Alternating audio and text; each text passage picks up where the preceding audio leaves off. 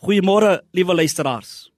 Iemand het by geleentheid gesê: Droefheid is 'n vrug.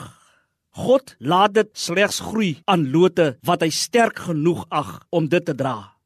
Wanneer jy dus worstel met die pyn na die dood van 'n geliefde, kan jy ryke vertroosting put uit die skrif en die ervarings van ander wat dieselfde smaklike pad geloop het.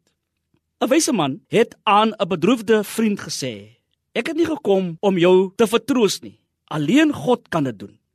Ek het vir jou kom sê hoe diep en innig ek met jou meevoel in jou verlies. Mense wat opreg omgee, kan nie uit hulself die vertroosting bring wat verskeurde harte sal genees nie. Maar God kan hulle gebruik om kanale vir sy vertroosting te wees. Vertrou net stilweg van dag tot dag op God.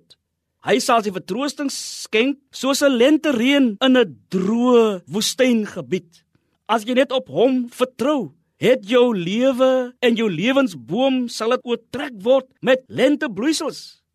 Jy kan hom ook in jou koue van jou smart vertrou. So het iemand ook by geleentheid geskryf.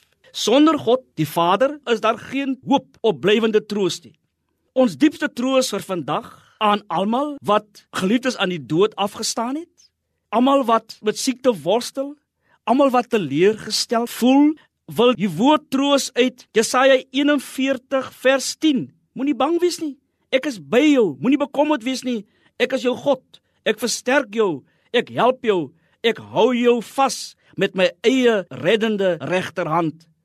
Ek sê altyd liewer met God in my krisis, hartseer en pyn as sonder God in my rykdom en voorspoed. Want die Here is nader aan ons as ons eie klere aan ons lyf. En nou kom Habakuk en hy sê: Al is jou omstandighede hoe pynlik ook hoe hartseer, dan is daar nogtans geloof. Al sou die vrye boom nie bot nie en daar geen druiwe aan die wingerdstok wees nie, al sou die olyfoes misluk en die land geen oes lewer nie, al sou daar geen klein vee in die kampe meer wees nie en die beeskrale sonder beeste nogtans sal ek jubel in die Here. Ek sal juig in die God my redder. Die Here seën u. Amen